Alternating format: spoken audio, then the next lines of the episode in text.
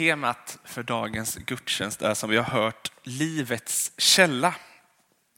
Och dagens evangelietext är hämtad ifrån Johannes evangeliet kapitel 5, vers 31 till 36. Och texten det är en del av det längst sammanhållna talet som Jesus har i Johannes evangeliet. Och den här, just dagens evangelietext, det är precis i början av den andra delen av det talet. Och där eh, pratar Jesus om vem han egentligen är och vad han har för förhållande till Fadern. Och det står så här, och det är Jesus som pratar. Om jag själv vittnar om mig är mitt vittnesbörd inte giltigt. Men det är en annan som vittnar om mig och jag vet att hans vittnesbörd om mig är giltigt. Ni har sänt bud till Johannes och han har vittnat för sanningen. Jag vill inte att något vittnesbörd om mig från någon människa, men jag säger detta för att ni ska bli räddade. Johannes var en lampa som brann och lyste en kort tid hänfördes ni av hans ljus. Men jag har fått ett starkare vittnesbörd än det Johannes gav. Ty det verk som Fadern har gett mig i uppdrag att fullborda just det som jag utför vittnar om att Fadern har sänt mig. Vi ber tillsammans. Tack Herre att du är här. Och Herre, jag ber att du ska öppna min mun och öppna våra öron för vad du vill ha sagt i detta nu. Gör oss lyhörda för dig. Amen. Om jag eh, parafraserar lite så kan det låta ungefär så här ibland. Jag vet inte hur det här kan ha gått till, men jag är i alla fall oskyldig. Är det någon som vet när man hör de orden? Har ni hört de orden någon gång? Emanuel har hört dem. Jag drar dem i alla fall till att man brukar höra dem ungefär vartannat år när det är OS. Jag vet inte hur det här går till, men jag har inte gjort något. Jag är helt oskyldig. Det brukar vara i samband med att de första dopingfallen i OS brukar nystas upp när någon har testat positivt för dopning.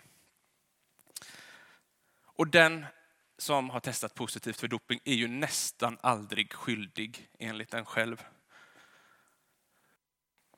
Den har ingen aning om hur det här kan ha gått till och inte sällan så vittnar de då i egen sak om att nej, nej, det här har inte gått till på det här sättet. Jag är helt oskyldig och helt oförstående till provresultaten. Jag googlade lite när jag förberedde predikan och det visade sig att det har kommit en del konstiga bortförklaringar till doping. Taylor Hamilton, en cyklist, förklarade till exempel 2005 när han hade testat positivt för bloddoping att det måste bero på att hans ofödda tvillingbror som blodet kom ifrån. Eh, låter ju rimligt. För tillsammans när de låg i mammas mage så måste det varit så att den här ofödda tvillingbroderns blod hade kommit in i honom och därför testade han positivt. Och ursäkta mitt tyska uttal, men Dieter Baumans förklaring när han testades positiv var att eh, någon måste ha mixtrat med hans tandkräm. Låter också väldigt rimligt. Och eh, nu var det inte OS, men i VM 2011, eh, damfotbolls-VM, så testade många spelare i det nordkoreanska landslaget positivt för doping.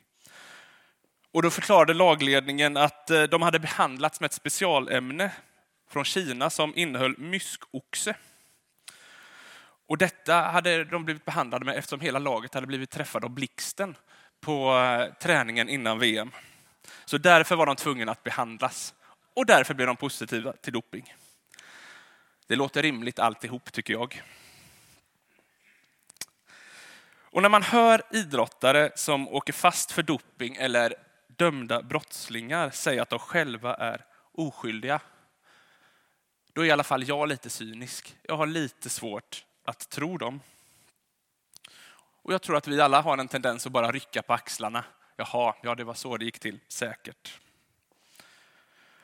Och dagens evangelietext den börjar med just det här att Jesus sätter fingret på svårigheten med trovärdigheten när man vittnar i sin egen sak. Och ordet vittna är väldigt flitigt förekommande i Johannes evangeliet. Det är som att Jesus på något sätt genom hela evangeliet är anklagad och måste vittna om vem han egentligen är. Och det börjar ju redan i första kapitlet, det som Jesus hänvisar till i evangelietexten, när folket ska gå till Johannes döpare och han vittnar för folket om vem Jesus är. Och i dagens evangelietext då är Jesus verkligen i knipa. Han har hjälpt en man i Jerusalem som har varit sjuk i 38 år. Och Jesus hela mannen. Och då kommer anklagelserna emot honom. Att han har brutit mot sabbatsbudet och utfört sysslor som man inte får göra på sabbaten. Och Jesus tvingas att försvara sig. Och han gör det inte likt en dopad idrottsman genom att vittna i egen sak. När han hänvisar till Johannes döpare och att hans vittnesbörd om Jesus sanna identitet. Och efter att han har hänvisat till Johannes så säger Jesus följande, och nu läser jag det igen. Men jag har fått ett starkare vittnesbörd än det Johannes gav. Till det verk som Fadern har gett mig i uppdrag att fullborda, just det som jag utför vittnar om att Fadern har sänt mig. Till det som anklagar Jesus så ger han ett starkare vittnesbörd. Nämligen att han kommer ifrån Gud och att Gud är hans far. Och han stannar inte bara vid att försvara sig med ord utan låter även handlingarna bevisa vem han är. De under som Jesus gör när han botar mannen är ett tecken på att han är Guds son. Hans verk är ett bevis, ett vittne på att han talar sanning. Och det som gör Jesus till Guds son, Messias, det är inte hans ord. Det är inte hans långa teologiska utläggningar eller tal.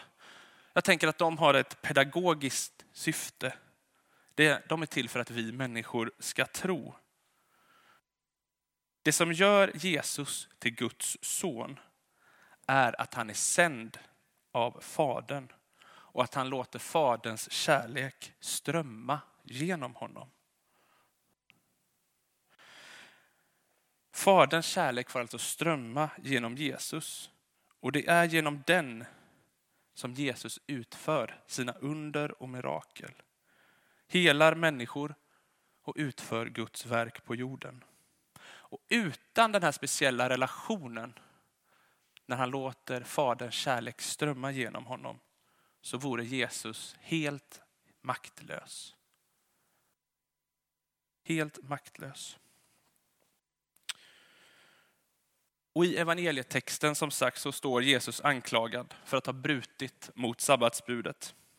Och han tvingas förklara och försvara sig mot anklagelserna. Och jag tänker att det är kanske inte en helt olik situation som många kristna känner igen sig i.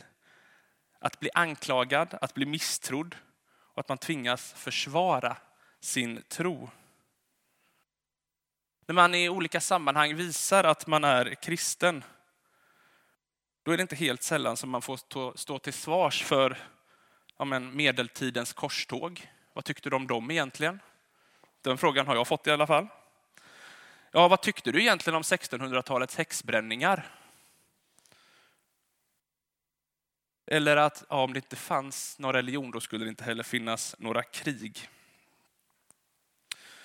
Och i ett sekulärt samhälle där religionen i många fall ses som något farligt och främmande, så tvingas man som troende ofta förklara sig och försvara sig med anklag eller mot anklagelser. Och ett exempel på detta som ligger nära det är väl Migrationsverkets utfrågningar av våra nyanlända konvertiter. Man ska behöva förklara sig och vara misstrodd. De betraktas med misstro som att det finns någonting att dölja. Och på samma sätt som Jesu ord inte gör honom till Guds son, så är det inte våra ord som gör oss till kristna. I grunden är det inte läpparnas bekännelse som gör oss till kristna. Det här kanske Migrationsverket borde förstå kan man tänka. Och även om den bekännelsen är viktig så är det inte grunden. För precis som det är med Jesus, när han utför Faderns vilja, när han låter sin, hans kärlek strömma genom honom, att det gör honom till Guds son. Så är det när vi öppnar oss för Jesus och tar emot hans kraft och låter den strömma genom oss. Det är det som gör oss till kristna. Det är när vi lever i och tar emot Guds nåd. Det är när vi ger den vidare till andra. Det är då vi är kristna. Och först därifrån kan läpparnas bekännelse hämta sitt vittnesmål. Det är vårt förhållande till Gud. När hans kärlek får tränga fram i våra liv. Det är där bekännelsen som kristen får starta.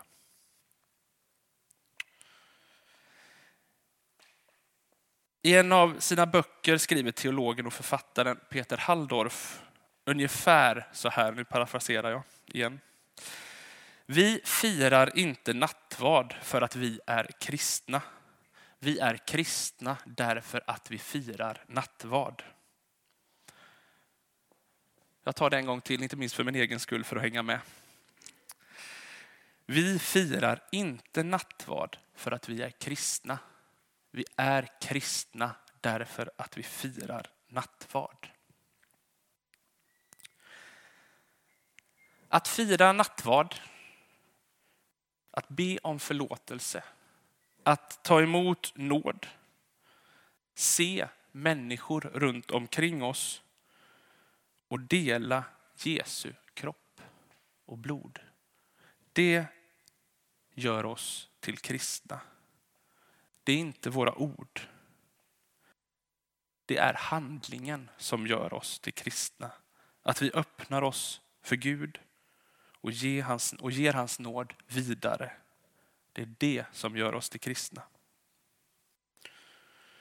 Och nattvarden, liksom dopet, är en konkret handling där vi får ta emot Guds nåd.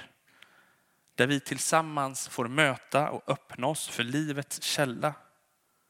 Där kan tron finna sin näring. I söndagens gudstjänst, i bön, sång, lyssnande får vi ständigt leva i en rytm som öppnar oss för Jesus och för det som han vill göra i våra liv och det öppnar oss för vittnesbördet om vem Jesus är.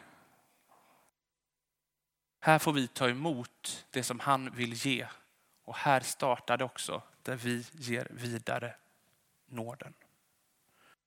Och på så sätt, genom att ge vidare, att ta emot och ge vidare, så visar vi, kan vi vittna om vem Jesus är. För det är här vid källan i gudstjänsten, i nattvarden, där vi är tillsammans. Det är här vittnesbördet för världen om vem Jesus är. Det är här det börjar. Vi får be tillsammans.